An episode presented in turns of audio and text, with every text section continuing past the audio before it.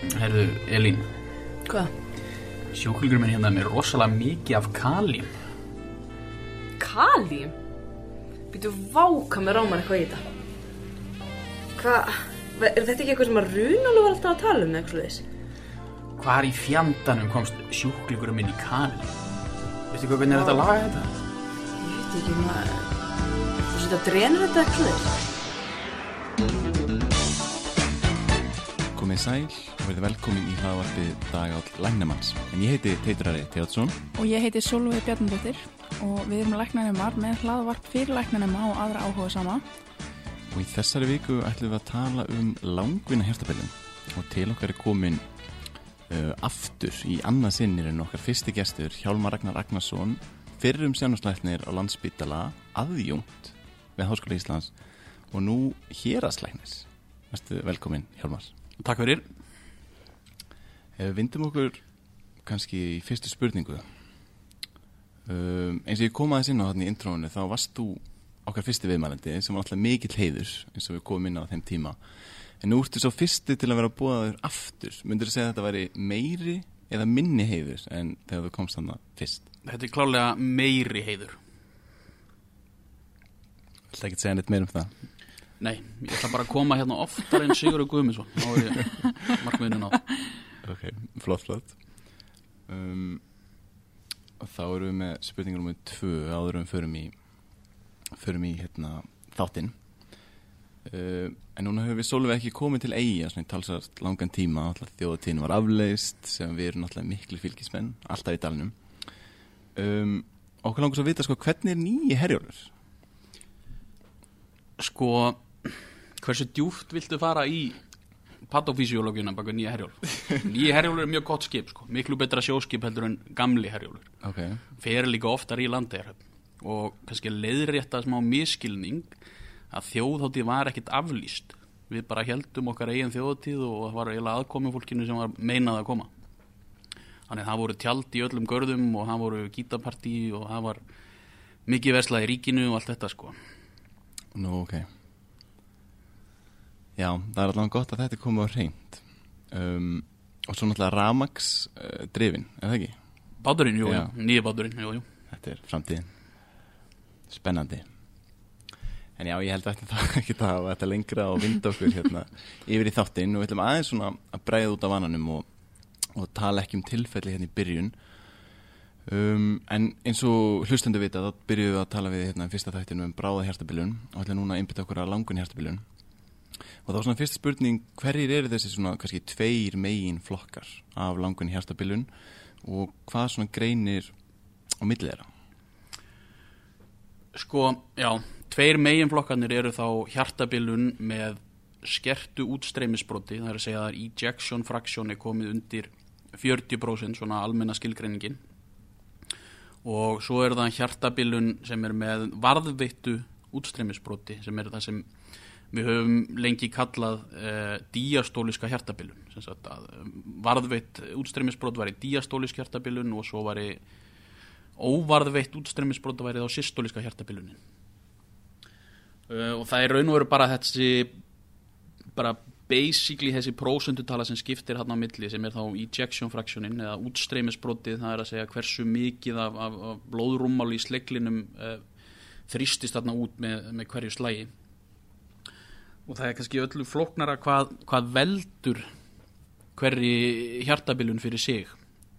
Að það getur verið ótal hlutir. Uh, þá kannski helst ég meina það sem við þekkjum mest er að fólk sem fær þessa systólisku hjartabilun er að fá það eftir til dæmis að fengið kransaðastíplu eða verið með kransaðasjúkdóm til lengri tíma. En auðvitað eru aðri hlutir sem koma inn í eins og uh, dílateriðar kardiomjúpatjur sem geta verið uh, sko, það er fræði klínik þegar ég var á fjóruð ári sem Raki Dan var með og hérna hann bara upp á spurningu hver var mismunagreiningin við dílateriðar kardiomjúpatju og hleyft okkur ekki út fyrir við erum búin að fylla hvítu tústöfluna af mismunagreiningum. Þannig að það getur verið margir hlutir sem ég ætla ekki að þylja upp hérna. Uh, ef að fara út í það sem greinir hérna á milli kannski það sem að sér á ómun Já, um, en mér langar kannski líka að skjóta inn hérna, að maður hefur oft lært þetta, þetta með reserved nei, með preserved ejection fraction, sem sagt varðveitti útstreymisbroti, að það sé mekanismin einhvern veginn að þú náir ekki að dílatera slegilin, að það sé þessi díastóliska bilun. Er það einhvern veginn úreld konsept? Er það konsept sem er einhvern veginn meira dogma en raunveruleiki? Já, ég held að það sé alveg rétt að það er ég held að þetta er, þetta er hlutur sem við erum að fara að skilja miklu betur. Þetta er svolítið ofur innfalda eins og þetta var kent bara fyrir uh, hvað, sex árum þegar ég var á fjörð ári. Sex-sjú árum. Er að, að díastóliska hjartabilunin sé gamlar konur sem eru búin að vera með háþristingur rosalega lengi, það er sem með stífan sleil og þá er sér að því að í díastólinu þá er sleilin að fyllast að það vandamáli er þá að sleilin hann er ekki að fyllast nógu mikið að því að sleilin er svo stífur ég held að allir sem hafa pælt hvað mest í, í þessari tegund af hjartabilun og við erum alltaf að fara að læra meira og meira inn á þetta er að líklegast eru þarna margar fenotýpur að baki. Og sem er líklega kannski skýringin akkur við finnum ekki neinn liv sem virka á þetta alveg 100% eins og við vitum hvaða liv virka á, á þess sem eru með óvarðveitt útstreymisbrot. Um, að það er talað um að við séum líklega með eitthvað svona metabóliska fenotýpu það eru sem sagt þeir sem eru í ofþing þeir eru með sykusíki jafnvel með eða án lúnaháþristing og svo er það líka lúnaháþristingur kannski er ein fenotýpa sér.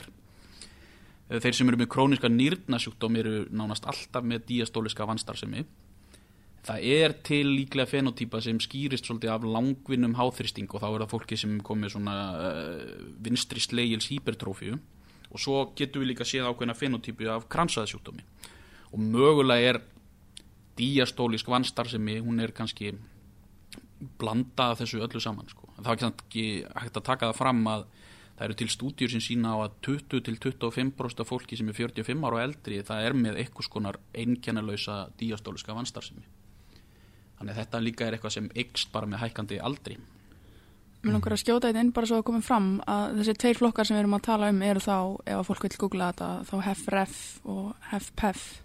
Einmitt. Um, en þá getum við fært okkur yfir í, í ómunna. Hvernig greinir maður að millið á ómun? Sko, einfaldast náttúrulega er í, í þessari hjartabilun með óvarðveittu útstreymisbroti, HEF-REF, já, HEF-REF, er að það er bara útstreymisbroti sjálft sem er bara hversu mikið fer út úr sleiklinum hverju sinni að ef það er undir 40% á tölum um hjartabilun og fyrir þá sem eru bara að skoða ómsörin þá er það bara, þá er yfirleitt tekið all, alveg bara fyrst fram í, í, í samantæktinni uh, Díastólisk vanstar sem er svona öllu floknara konsept eða þannig séð og svona gullstandardir til að greina það er, er, er doppler flæðismælingar yfir míturlokuna þar sem við erum með svona early filling sem sagt e-bylgjuna og svo erum við með svona late filling þar sem er, við erum með a-bylgjuna og svo er svona ákveð hlutvall þar á milli sem ræður því hvort það sé einhver díastólisk vanstar sem er. En þetta er, þetta er kannski svolítil einföldun en þetta er svona sáfaktor sem er skoðaður aðalega svo er til E og EMRT og fleiri svona útreikningar sem hægt er að gera. En þetta er í raun og veru sko díastólisk vanstar sem er skilgreint sem vangeta slegilsins til að fyllast almennilega. Bæði kvíld og við álag. Uh, og hann verður þá að fyllast með svona óeðlilegum vexti á uh, enddíastólik þrýsting.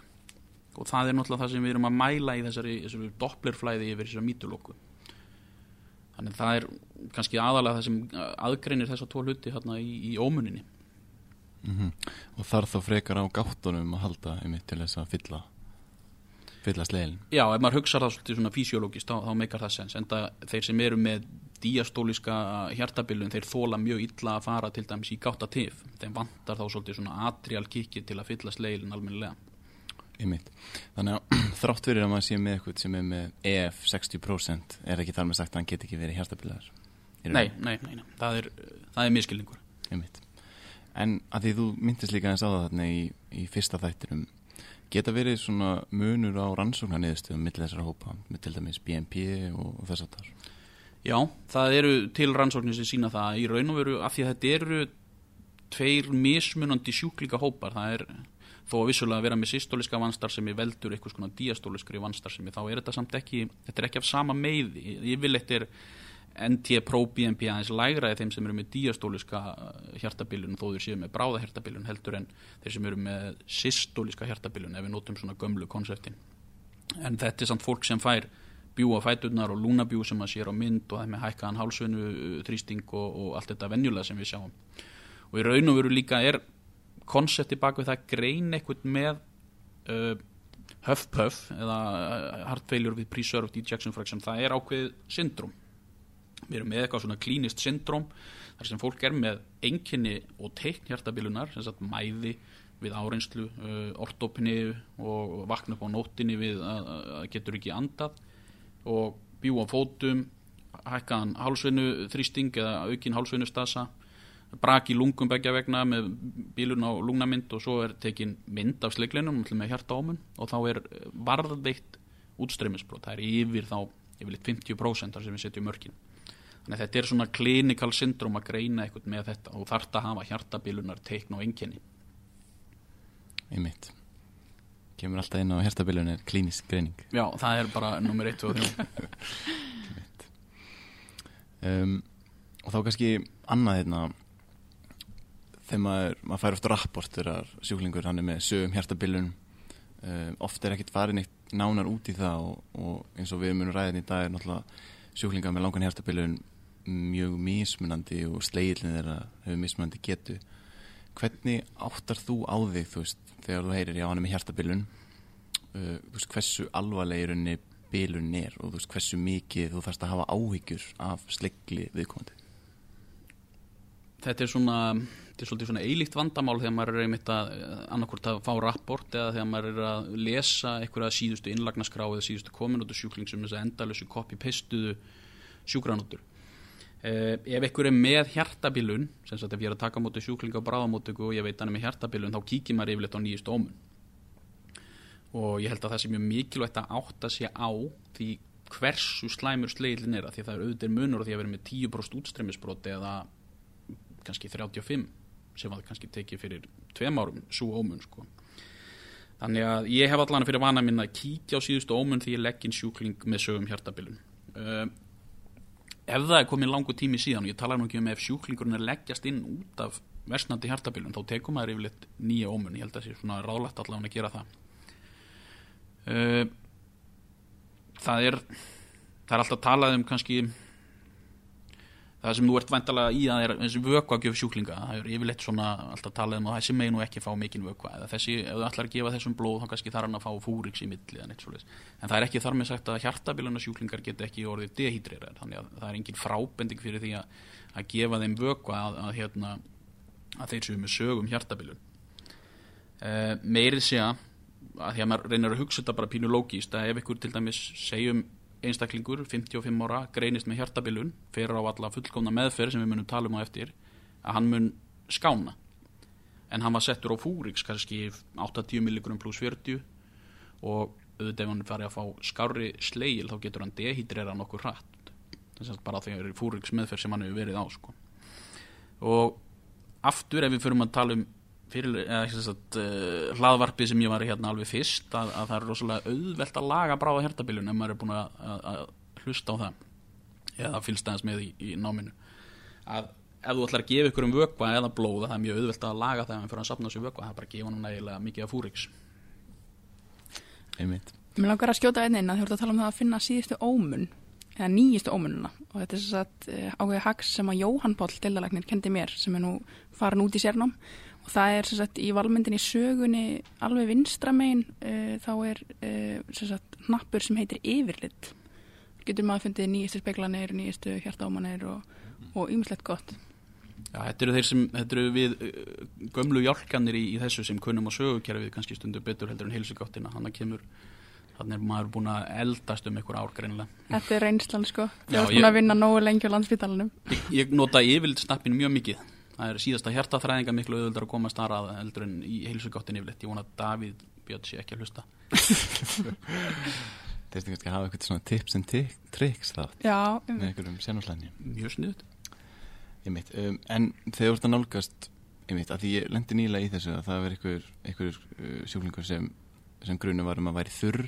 Þú veist, myndur þú þá stoppa fúrixið og gefa vökva, myndur þú gefa fúrix með, já þú veist, myndur þú halda stabilum sköndum af fúrix og gefa vökva og skipti máli hvort að uh, sjúklingur sem HFPF eða HFRF upp á viðkvæmni fyrir vökvagjöf Nei, það skiptir engum máli. Uh, HEF-PEF sjúklingarnir, þeir eru líka að safna sér vökva, það er eh, eðli sjúkdómsins.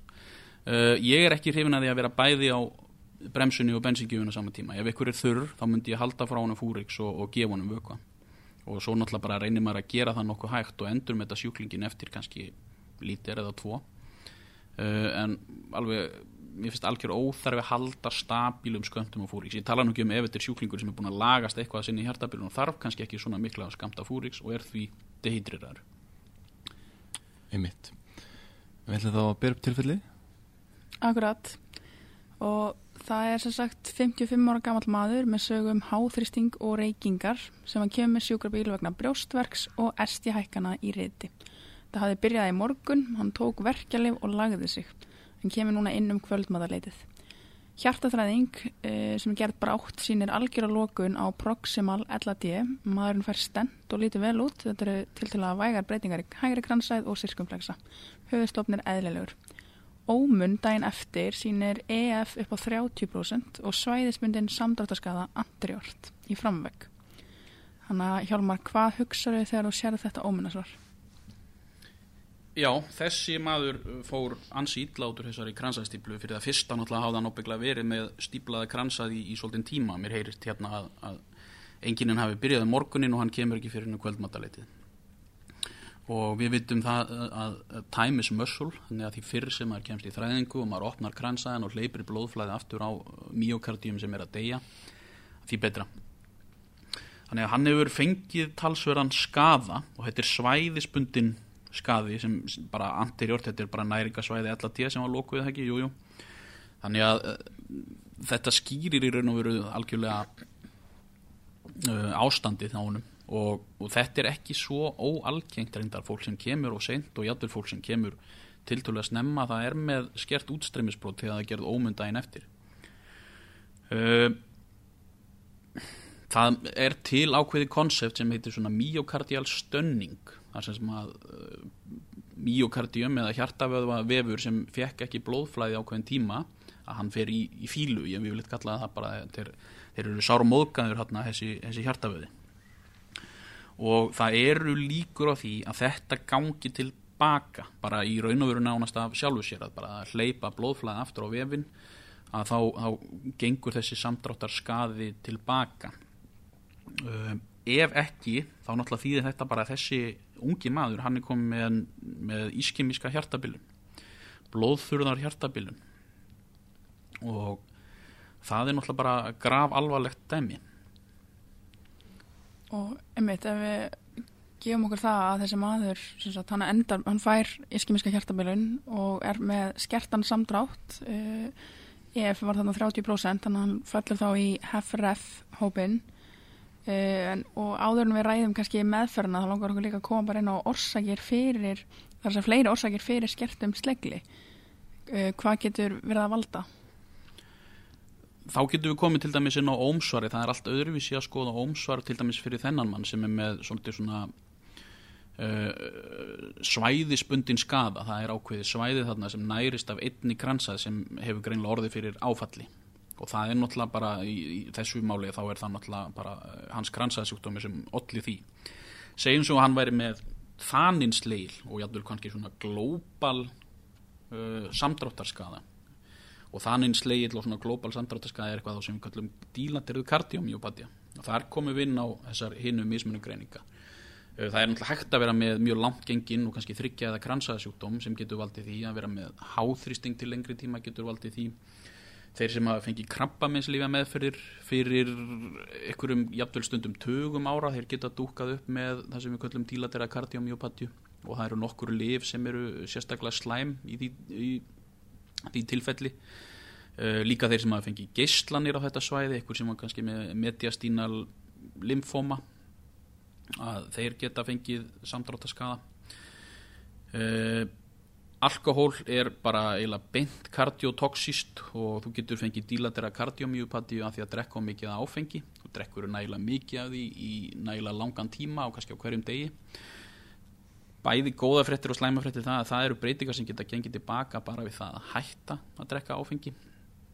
Uh, talatu krabbaminslega meðferðir það eru komna svona ákveðnar svona, svona pínulítið undir sérgreina af, hjartalæknisfræði sem er svona kardioonkológia og þeir til dæmis eru farnir að gefa, eða gera þannig að þú færð kardiotoxísk líf eins og til dæmis doxorubicin að þú mælir þá TNT mann ekki hvort það sé daginn eftir eða eitthvað svo leiðis og ef þú hækkar TNT þá ACE inhibitor prophylaxist sem er svona ákveðin þróun. En það er, fyrir þennan mann, bara að við komum aftur því, þá er þessi svæðisbundna skerðing á, á, á hjartaviðanum er klálega orsaka bara á hans kransasjúkdómi, en ef maður sér dílatera kardiomíupatíu þá má hugsa svona aðeins lengra. Þannig að ómunin hjálpar okkur þarna ekki bara þá upp á uh, ejection fraction prósenduna heldur líka einmitt til að segja okkur hvort, að- hvort að skerðingin sé svona svæðisbundin eða diffús getur þá leitt okkur að, að, að áfram í mismunagreiningum. Algjörlega, algjörlega. og svo náttúrulega önnur hérna orsök fyrir uh, hérna svona dílateri kardiomýpaði myokarditas og svo náttúrulega líka þessi sko, ég var nefnilega hlust á podcast um daginn þá var eitthvað sem var með immunotherapíu Mm sem sagt þessi nýju hérna krabbameinslif, þessi PT-1 hemlar sem veldur þá myokardit í hjartaveðanum sem getur þá valdið dílateri kardiomýpaði Já, þetta er af þessum hlutum og það er mikið svona, það er orðið svona hálgert grín en það er allan orðið svolítið svona tísku fyrirbriði að allir sem eru með skertan sleil eða eru með eitthvað óutskýrað hjartabilan þeir fara allir í, í MR af hjartanu einmitt til að sjá eru, eru merkjum ör þarna á þessu svæði. Er eitthvað ákveðin næringasvæði, ákveðina kransaða sem er undir eitthvað skonar álægi það er, það er svona grínir þessu, það fer enginn inn á, á hjartadeild þarna í spesialisiruðum sendurum á þess að fara í gegnum MR-tæki það meiri segir sem fengu COVID þeir fóru allir í MR þarna á okkur ákveðinu senduri Það er alveg náttúrulega greitt líka fyrir hverja mynd það hjálpar aðeins En ok, þannig að við erum aðeins búin að fara yfir þessar mismunargreiningar en núna er náttúrulega bara af sögunni að dæma og náttúrulega ó, hérna, ómunni líka er klárlega iskemía uh, og innfart hjá okkur. Og það fellur þá eins og Sóli kom inn á þann í þennan hefref hóp. En er, sko, er meðferðin sem við erum að beita uh, við hefref óháði hver sko undirleikjandi ossök fyrir samdráttaskerðingunni verður, Þú veist, fara allir inn í þennan fræga skema Já, það, það gera það allir. Það er náttúrulega öðruvísi til dæmis ef þetta er alkohol-indúsirðu kardiomjöbandi og ert að hætta að drekka. Reyndar þarftu ábyggla líka að minka aðeins drikkjuna ef þú ert að fá kransaðsjúkdóm og allt þetta er ekki þar með sagt að það sé í lægi þá endilega. En jú, það eru allir sem ætti að fara á þessa hefbundu hjartabilunar meðferð og bara fyrir þennan kall og það er svolítið skrítið að hugsa til þess að og ég er kannski sekur en það sjálfur að maður tekur hjartabilun svolítið svona lettvægt að minnst, hann er bara með hjartabilun hann greinast með hjartabilun svona en það er í raun og veru fimm ára lifin þeirra sem eru með alvarlega hjartabilun eða bara þeir sem eru með hjartabilun í höfuð er kannski 50% hún var svona 60-70% áður við fórum að fá allir þessi góðu lif sem við erum að beita núna. Þannig að þetta er í raun og veru sambærlegt og að greinast með krabbamin og í kannski sömu tilvikum miklu verra heldur en að greinast með krabbamin kostirnir kannski á bakvið það er að við eigum orðið rosalega góða livja meðferð sem við vitum að, að virkar. Uh, þetta eru ódýri lif, þetta eru gömul lif kannski mánaðaskamturinn af þessu er að kosta uh, þúsund kall eða eitthvað þannig darinni, þessu dæmi. Að, að þetta er allan ekki rándýri lif sem fólk þarf að fá einu sinni í viku inn á sérhæðari krabba með steild eða slíkt, þannig að við, við vitum hvað lif virkar, gallin er bara sá að við erum ekki að nota þetta nægilega mikið og það eru meiri sér til rannsóknir sem ég held að séu ekki til hérna á landinu held ég, er bara hversu margir hjartabiluna sjúklingar eru fyrir það fyrsta á viðingandi livjameðferð. Þeir séu á, á öllum þessum livjum sem við munum taka aðeins til hérna eftir, bara þeir séu á betablokkar, þeir séu á ACE eða ARB eða þeir séu á uh, hérna spírónlakton, mineralkortikoid receptor antagonista og það er stundum innan við 70%. Það er innan við helmingur sem er kannski á spírónlakton ef þú fer að taka svo saman hversu margir af þessum einstaklingum eru ekki bara á þessum þreim livjum heldur á réttum skömmtum sem er mælt með samkvæmt gætlæns þá er, þá er það ennþá verra. Þá kannski innan við 50% sem eru innan við 20-30% í sömu stúdíum. Þannig að við megum gera betur í þessari lífameðferð þannig að horfur þessa manns eru í raun og veru slæmar. En við getum gert heilmikið til að, að, að hressa þess upp á hann. Einmitt. Um, og þá spurning hvort þú vilji kannski leiða okkur aðeins í gegnum bara undur heima þessa fræga skema og svona hver pælingin kannski er á bakvið þessi lif um, svona fysiológist Já, þá kannski ef við bara komum mjög örstutt yfir svona í patofísiológinu og hann að bakvið. Og ég held ég hafi talað um það í, í fyrra hlaðvarpinu sem ég hef ekki ennþá þórað að hlusta á mér fannst eins og ég hafi röflað hérna um bráða hertabilum í hátt í þrjá tíma. Þetta er vinsalega þátturinn en það er þannig sko við það að fá skertan sleil, að vera með minna blóðflæði, minna svona aktíft systemist uh, circulation í gangi að þá náttúrulega fara svona baroreseptorar og vasoreseptorar og hlutir sem greina bara blóðflæði okkar í gang og reyna þá að keira þennan skerta sleil áfram yfirleitt í gegnum adrenergakerfið og þannig að þá er líka minn að segja út adrenalíni og noradrenalíni og ég veit ekki hvað og hvað til þess að reyna að keira þennan sleil áfram. Þetta er allt svo greint þarna í nýrónum að það sé orðið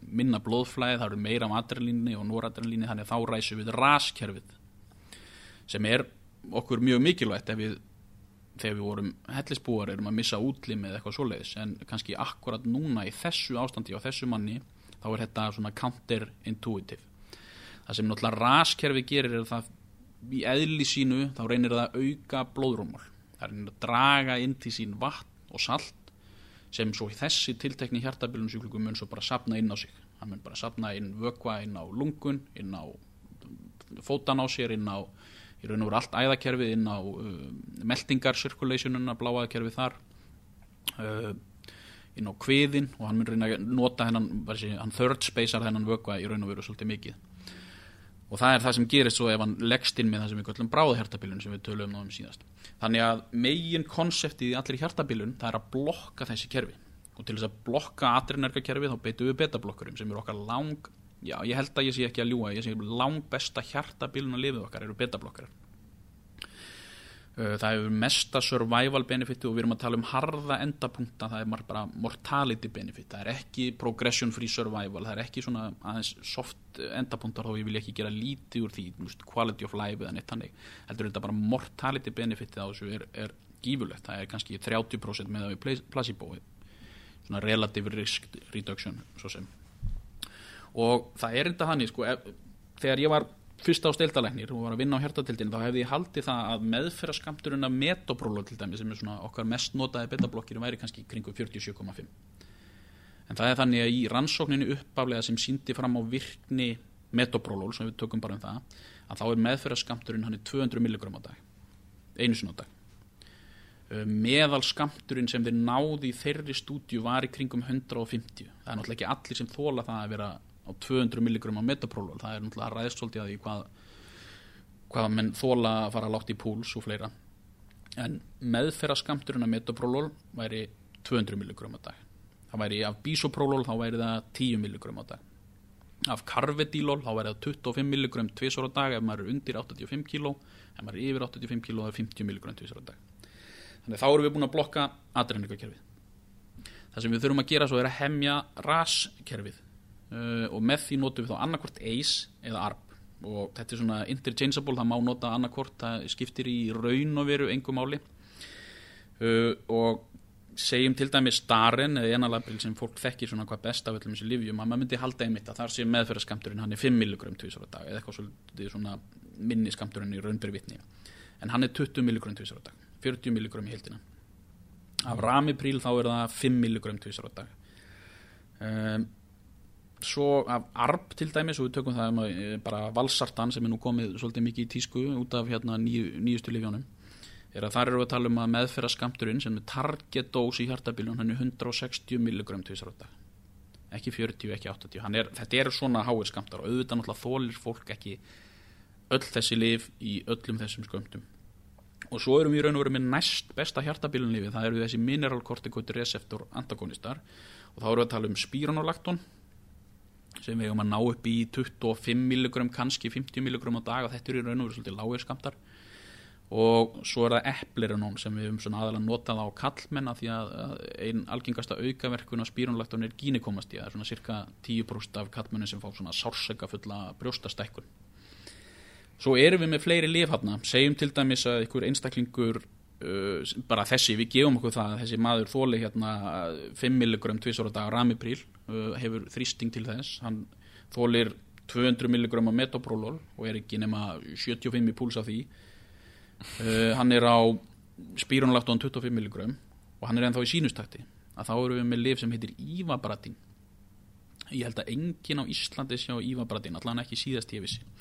Af því að það er, það er svolítið svona til þess að ná því að komast inn í indikjusum fyrir Ívabratin þarf það að vera hámarskamti af betablokker og ennþá með yfir 70 púls og í sínustakti. Þannig að þá má nota Ívabratin sem er svona sínus uh, inhibitor, hann hægir bara á púlsinum ennþá frekar. Og þá erum við komin út í það. Það er komin ný liv til dæmis að sem hérna, Entresto eða Valsartan Salkubitril. Ef þú þólir ACE inhibitor þá átt að skipta yfir samkvæmt guidelines yfir á, á Entresto og bara títrera það upp og það er í raun og veru svona já þanga til nýlega þá var það fyrsta lifið umfram ACE inhibitora sem síndi fram á okkar virkni sko. þannig að það voru mjög mikil læti þegar það var kynnt ég veit að það til dæmis út í Lundi á svona spesialiseru hjartabilunasentri þar þá sleppa þeir að setja fólk inn á ACE-þar það bara byrjar beint á, á valsartan salkópintril Getur þú sagt okkur aðeins frá einmitt uh, mekaníkin á bakvið þennan nýja lifjaflokk? Já, valsartan er sem sagt bara arb, það er bara gamla góða valpressið okkar. Og svo erum við með salkópintril sem er arni, angiotensin uh, neprilísin uh, nei, angiotensin receptor neprilísin inhibitor. Sem er sem sagt í raun og veru við, ég held ég að tala um síðast að þetta hvað BNP er og hvað það gerir í raun og veru hver er tilgangur með BNP, það er að hjálpa okkur þess vegna er að hækka það líka minn fyrir að seita því við, við þannig á, hérna, á, á, á hjartaböðunum og, og í eðli sínu er BNP að hemja raskjærfum með þessi ennþá frekkar í raun og veru er þessi Arni, hann er að minka niðurbrótið á BNP til þess að við getum notað kannski svona, þetta er kannski super einföldun en, en í raun og veru þá erum við að nýta okkur þá virkni BNP molekulsin sjálfs til þess að hjálpa okkur áfram. Og svona verandi fyrsta lifið þarna síðan 2000 þarna, þegar þetta kemur út 2014 rannsóknin þá var mikil spenna fyrir þessu. En það er í raun og veru bara þessir skamtar og það eru svona ákveðin tips og triks sem maður heyrir svona þegar maður er til dæmis að skoða Twitter og, og hjartabilina specialistin sem maður fylgir þar er að það eru svona ákveðina leiðir til þess að koma fólki á þessa meðferðaskamta uh, til þess að trappa upp lifin og það eru til ákveðin guidelines og þetta á að gerast svona nokkuð hægt uh, hjá okkar einstakling sem er kannski þá, ég ætla að gefa mér hans í ekki akut hjartabilur þessum tíma, þá má ég raun og veru byrja bara með betablokkarina strax. Ef hann er með háan blóðþrýsting og hár blóðþrýstingur er uppáhald hjartabiluna læknisins að því að blóðþrýstingur er gjaldmiðill á meiri meðferð þá ættir að geta byrjaðan annarkort á arb eða ís. Uh, og spíronolakton jafnvel á sama tíma ef maður er svona ekstra ég menna ef maður er með hann inniliggjandi í ykkur að þrjá, fjóra og fimm daga þá er náttúrulega mjög auðvelt að fylgja með það sem er maður áhyggjur af eisinibitorum og spíronolaktonið saman er það er hyperkarlemia en það er hægt að fylgjast með því inn á, inn á blóðpröfum bara daglega það sem er kannski svona að því að dose-response kurvan af til dæmis ACE og ARB eftir því sem lifið er meira í meira magni líka mannum þá er dose-responsið ekki alveg það er ekki flatt en hún er ekki jafn til dæmis brött kurvan og við betablokkarina þannig að megin markmið er að komin ACE inhibitorum eða ARB byrja bara á 40 af valsartan og láta kannski bara kjurt liggja. Eiga blóðhrýstingu upp á hlaupa því þú þurft að títra upp metoprólól eins hátt og þú kemst. Eða karvedílól sem er svona aðeins meira blóðþrýstingsaktíft aktífur betablokkeri. Eða bísopróról eða þú vilt vera svona í nýtísku fyrirbriðanum en koma inn eins mikla betablokkurum komin spíranulektum, komin fleiri livjaflokkum og svo byrja að trappa upp eis, kannski á tveggja vegna fresti í svona ambulant fasa. Eða uh, við ættum þá ef fólk þólir, kannski mjög auðvelt að bara byrja á valsartan af því að ef þú ætlar að skipta þeim yfir á arni þá sem bara sangkvæmt guidelines þá eiga allir að fara á Entresto eftir ákveðin tíma ef þeir þóla þessi líf og ég veit um hjartalækna sem byrja yfirleitt á arba því að náttúrulega við vitum að einn aðal aukaverkun á eisinibitorum er hósti, svolítið svona lang lang, hvað ég voru að segja leiðindar hósti, þurr og leiðilur hósti sem fólk er lengi að losna við. En í raun og veru ættu allir að vera á arni. Og þessi einstaklingur þarf líka einmitt að vera á fúrix, eitthvað skonar diuretika til þess að minka líkunar á að hann sapna á sér vökva. En við eigum svolítið erfitt með að sína fram á að fúrix hafi eitthvað survival benefit. Einmitt. Um, um langar svona aðeins kannski reyna að taka þetta saman. Um, að þið margt líka sem kemur fyrir mér alltaf að koma mér á óvast í þessu. Að við erum hérna með í rauninni þessi þrjú lif sem allir byrja á. Við erum með beta-blokkir og við erum með ACE og við erum með spírónlekton spírónlekton þá frekar eða ert með skertari sleil í rauninni. Um, og mér finnst einmitt koma svolítið merkilegt að uh, að því, ef mér alltaf finnist ACE-lifin eitthvað svo flott og flottur mekanismi að það sé betri benefit á gömlega góðu beta-blokkarna og þú er að leggja meira mitt áherslu á að upptrappa þá einhver en ACE og svo er mitt þetta líka að spírónlektóni sé í rauninni næst best ég hefði nú veðið á að, ACE inhibitorinn væri næst bestur en ekki er kannski svolítið erfitt að gera upp á milli barnana sinna segja eitthvað sem best og næst best og Já. eitthvað svona en, en betablokkarinn eru mainstay í, í, í meðferðinni á hjartabilun og því herra sem þú kemst með þá því betra. Það er erfiðar að sína fram á dósresponsi í eisinnibuturum þó það sé vissulega til staðar. Það er bara ekki að bratt dósresponsi eins og í betablokkarinn og svo náttúrulega spírunulaktón í öðrum ábendingum heldur en hjartabilun er í miklu herri skamti þannig þetta er í raun og veru low dose spírunulaktón sem við erum að beita hana Akkurat. Og það er eins og ég sagði hérna í raun og veru kannski í einhverjum rannsóknum sem ég gerða bæði í bandaríkjunum og í Asi og Evrópu þá hefur verið sínt fram á að það eru ekki nægilega margir á spírunulaktón af því að fólk er svo hrætt við hyperkalmíun en í þessum skömmtum og bara í, í rannsókninni sem uppaflega síndi fram á, á, á hérna, spírunulaktón virknin að þá var hyperkalmíu ekki svo mikið áhugjefni Einmitt. Við mér langar að koma þá kannski örstuðt hérna, klárum, klárum þetta segment um að því við erum mikið búin að tala um þessa hörðu endapunta mortality benefit og, og hérna, fólk lifi lengur. En líður fólki betur á þessum lifum Já, eh, sko nú er ég svolítið útsettur bara í, í mínu sérnámi hérna þrjúar landsbytaluna einu hjartabilunasjúklingar sem ég sé er yfirleitt lokastik hjartabilunasjúklingar þannig ég er kannski ekki alveg besti maðurinn til þess að tala um þetta en eftir því sem maður heyrir frá þeim hjartalæknum sem eru að sinna þessum, þessum sjúklingum og stofu og svona þá er fólki, þeim líður miklu betur. Það fær mikið benefit að þessu. Sumir jafnvel farnir út að hlaupa skilur geta nánast lifað eðlulu lífi og náttúrulega markmiðið með þessari meðferð er sko svo að þetta ejection fraction hjá þessu manni sem var hvað 30% að hann fái sem næst eðlilegu útstreymisbroti Þannig að endapunkturinn í rauninni, ef þú myndir framkoma ómun svo árið setna eða sex mánuð setna eitthvað, þá gæti hann verið búin að regeina einhverja af þessu EFI bara í gegnum þessa liða með fyrst. Já, það er tilgangur með meðferðinni að fólk fái sem næst eðlilegum slegli og það er ekkert óalgengt maður getur séð fólk jafna sig á, á svona innfart bara, bara fyrir utan það að kannski hluti af þessu er myocardial stönning sem mun ganga tilbaka án mikillega meðferðar á 14 til 90 dögum eitthvað svoleiðis. En tilgangurum með meðferðinni er að þetta útstreymisbrot hækki. Og meiri sem hefur það verið sínt fram á í rannsóknum það gerir það að til dæmis hérna ég held að heiti Proof Heart Failure Proof HF trial sem var byrt núna um Entresto hvort það var í voru eða eitthvað þannig að þeir settu þá hjartabiluna sjúklinga á Entresto og gerðu svo bara þessar ómunnar sem eru gerðar til þess að meta bæði útstreymisbrot og svo aðra faktora sem þeir meta bara hversu víður sleiðlin er og fleira er að, að langflestir bættu sér þar og alveg umtalsvert. Þannig að þessi lif virka og þau virka beint á útstreymisbroti líka. Og einmitt eins og ég sagði að þá kannski þarf að minka við þennan mann fúriks eitthvað tíman ef hann er komin og það nú þegar uh, Já.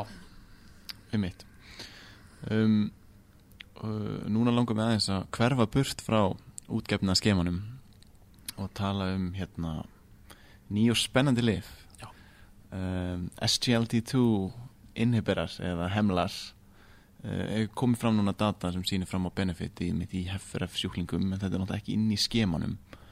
Getur þú kannski aðeins svona styrtlega rætt sko hvað í rauninni hver- hver er niðurstöður þessara træjala þessara daba í HF og það Þetta er einmitt svona allt þetta nýjasta þar sem allir eru mjög spenntir yfir núna að þetta er að koma fram þá síðan uh, síðan Entresto var kynnt. Að hérna eru loksins komið með eitthvað nýtt lif eitthvað nýjan livjaflokk meiri segja, sem virkar beint á hjartabilun. Og í raun og verið þetta eitthvað sem uppgötast fyrir einhverja rælni að það, það er svona það er krafa sem FDA gerir að, að öll síkusíkislif eru prófið á hjartasjúklingum og kemur í ljós að þetta bara svín virkar á hjartabilun.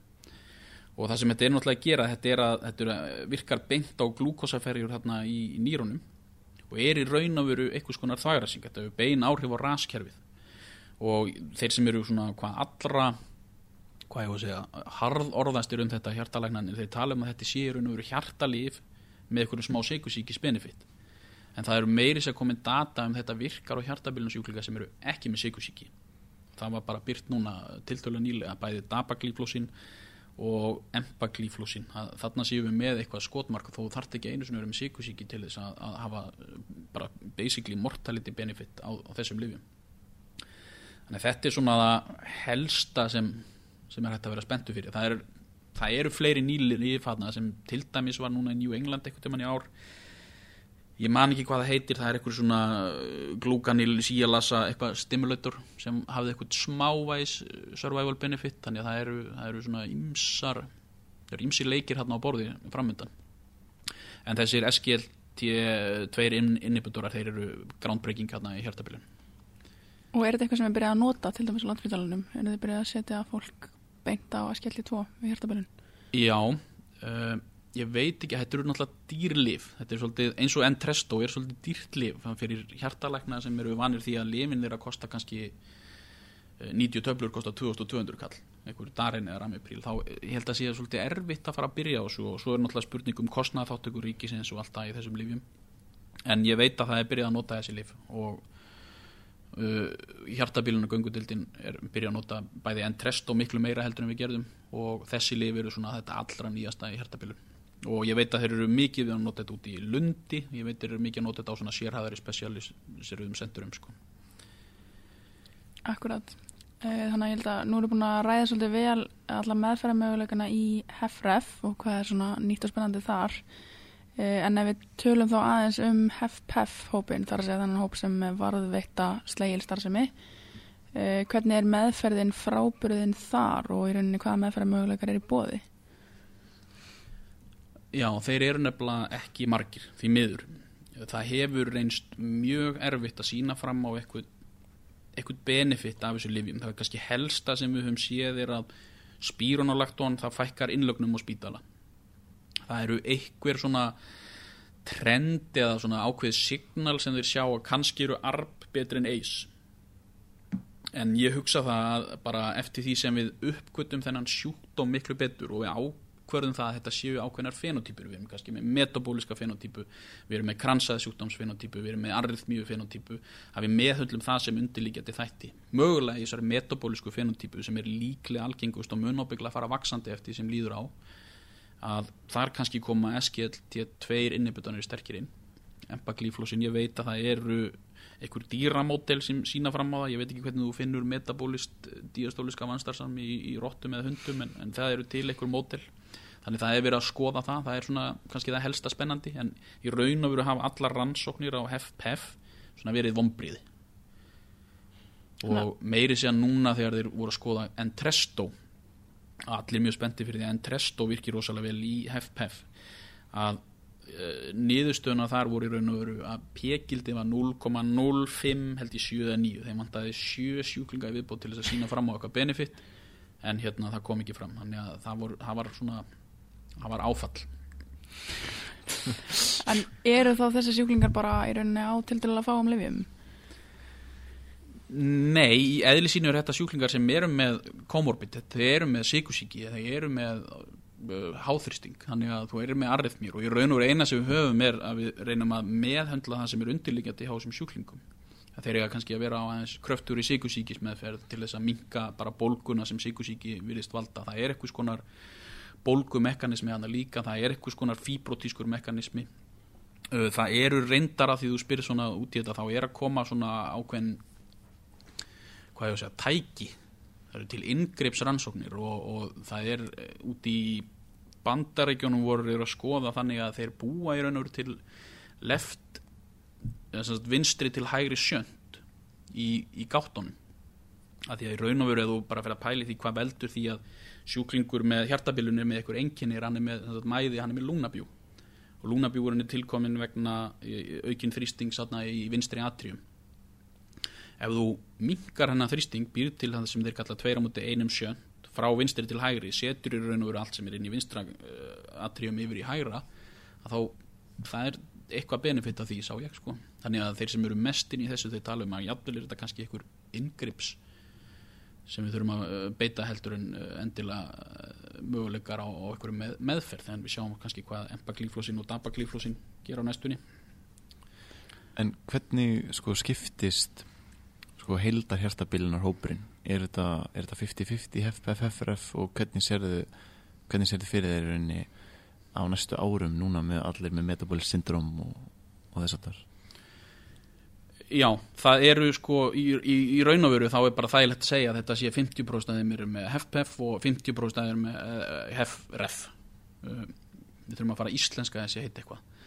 En þetta er samt svona ágætt til síns brúks. Uh, það, bara skiptir þessu 50-50 það er fínt. Og það eru svona signal eða það eru svona trend í gangi um að við munum sjá aukningu á HFPF miðan við HFRF þannig að og náttúrulega bara með vaksandi aldri með sagt, hvað þýðu okkar er að eldast. Við erum náttúrulega erum að þingjast við erum að fá meira af sykusíki þetta er svona hratt vaksandi þessar metabólisku komponentar sem eru að valda HFPF þannig að ég á vona því að þetta verði þetta taki fram úr þó ég get ekki spáð fyrir nákvæmlega hvenar en það eru svona það er ákveðin trend í gangi að þetta sé að verða algengara. Og það er ekkit betra að vera með HFPF sko. þá vera með uh, varðvittan slegila því að það í raun og veru mortalitið er nákvæmlega sama og kannski með meiri enginni að við erum með færri lif sem merka á þetta Við-? Já, það getur verið sko þegar við eigum engin lif sem virka á þetta ennþá Nei.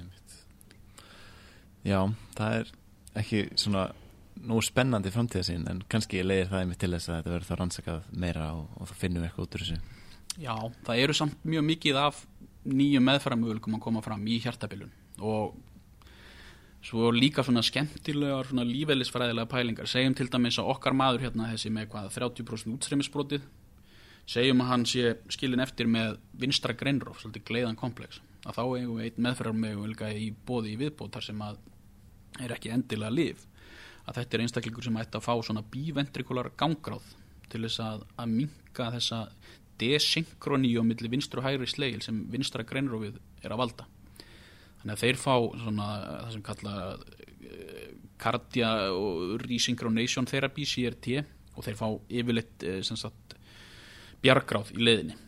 Af því að þessi einstaklingur þessi með 30% útstreymisbroti eru ekki orðin betri eftir uh, þrjá mánuði á medisínskri meðferð á réttri rétt upptrappari medisínskri meðferð þá þarf hann líka að fá bjargráð til þess að lifa lengur ef við ætlum honum að lifa lengur en ákveðin tíma ef hann er með metastatísk lúnakansir kannski ekki en, en, en bara þessi einstaklingur hann ætti að fá bjargráð.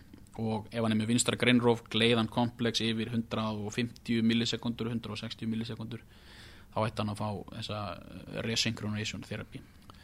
Sem, já, sem þýr þá bara með gleðan komplex þá eru vinstri og hægri sleglatin ekki að draga saman jafnþétt og þá með því að hafa eða nákvæmlega sama tíma.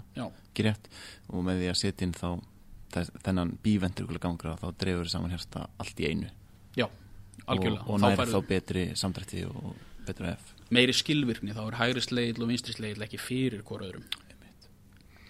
En svona í hefðbundum gangráð yfirleitt, þá er þetta bara, þá erum við bara með, sem sagt, á einum sleglinum, ekki satt? Jú, þetta er þá farið sem sagt bæði er þetta á hægri slegli og vinstri slegli. Og í hefðbundnum gangra þá erum við sem sagt bara á öðrum sleglinum, það er alveg hárétt Einmitt. Um, en nú höfum við rætt langunni herstabilun í, í þaula sem er svona mjög gott framald af þættinum hérna um bráðahertabilun þannig ég mælu með hlustendur hlusta á hann ef þeir eru ekki búin að því. Við erum búin að eh, tala um hérna munin á HFRF og HFPF hvað greinir á milli þessar sjúklinga hvernig mekanismin er á baku þessa, þessa sjúkdóma og, og hvað er hægt að gera í rauninni til þetta til meðferðar. Um, en Hjálmar, hvert er svona take home home skilabóðin til læknanema og, og annara áhuga samra sem er að hlusta. Sko, ég held að sé bara varandi hjartabilun þá er það algjörlega pointi með þessu er að átta sig á meðferðar skömmtunum held ég, sem er bara tiltölulega óalgengt að játnvel reyndir deildalæknar hafi alveg á takteinum hversu hátt fólk er stemt í betablokkurum. Og það eru tækifæri til að gera þarna miklu betur að reyna að koma fólki á öll þessi líf meiri sé að heimilislæknar sem eru að sinna hjartabilum þeir með að hafa vakandi auga fyrir því. Kannski er þessi er hægt að bæta án meira af, af arb eða eis eða spírunulakton má setja inn hérna hjá þessum einstakling meðan því er fyllt eftir með tilliti til krea og hyperkalemju þannig að það er aðalega bara að vera vakandi fyrir því.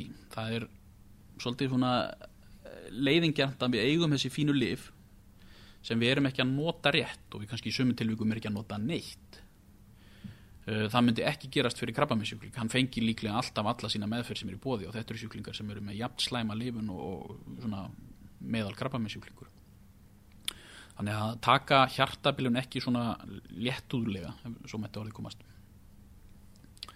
Ég mynd, þetta séu góð lokaðart bara vil þakka þér Háskóli Ísland Takk fyrir komin Takk sem fyrir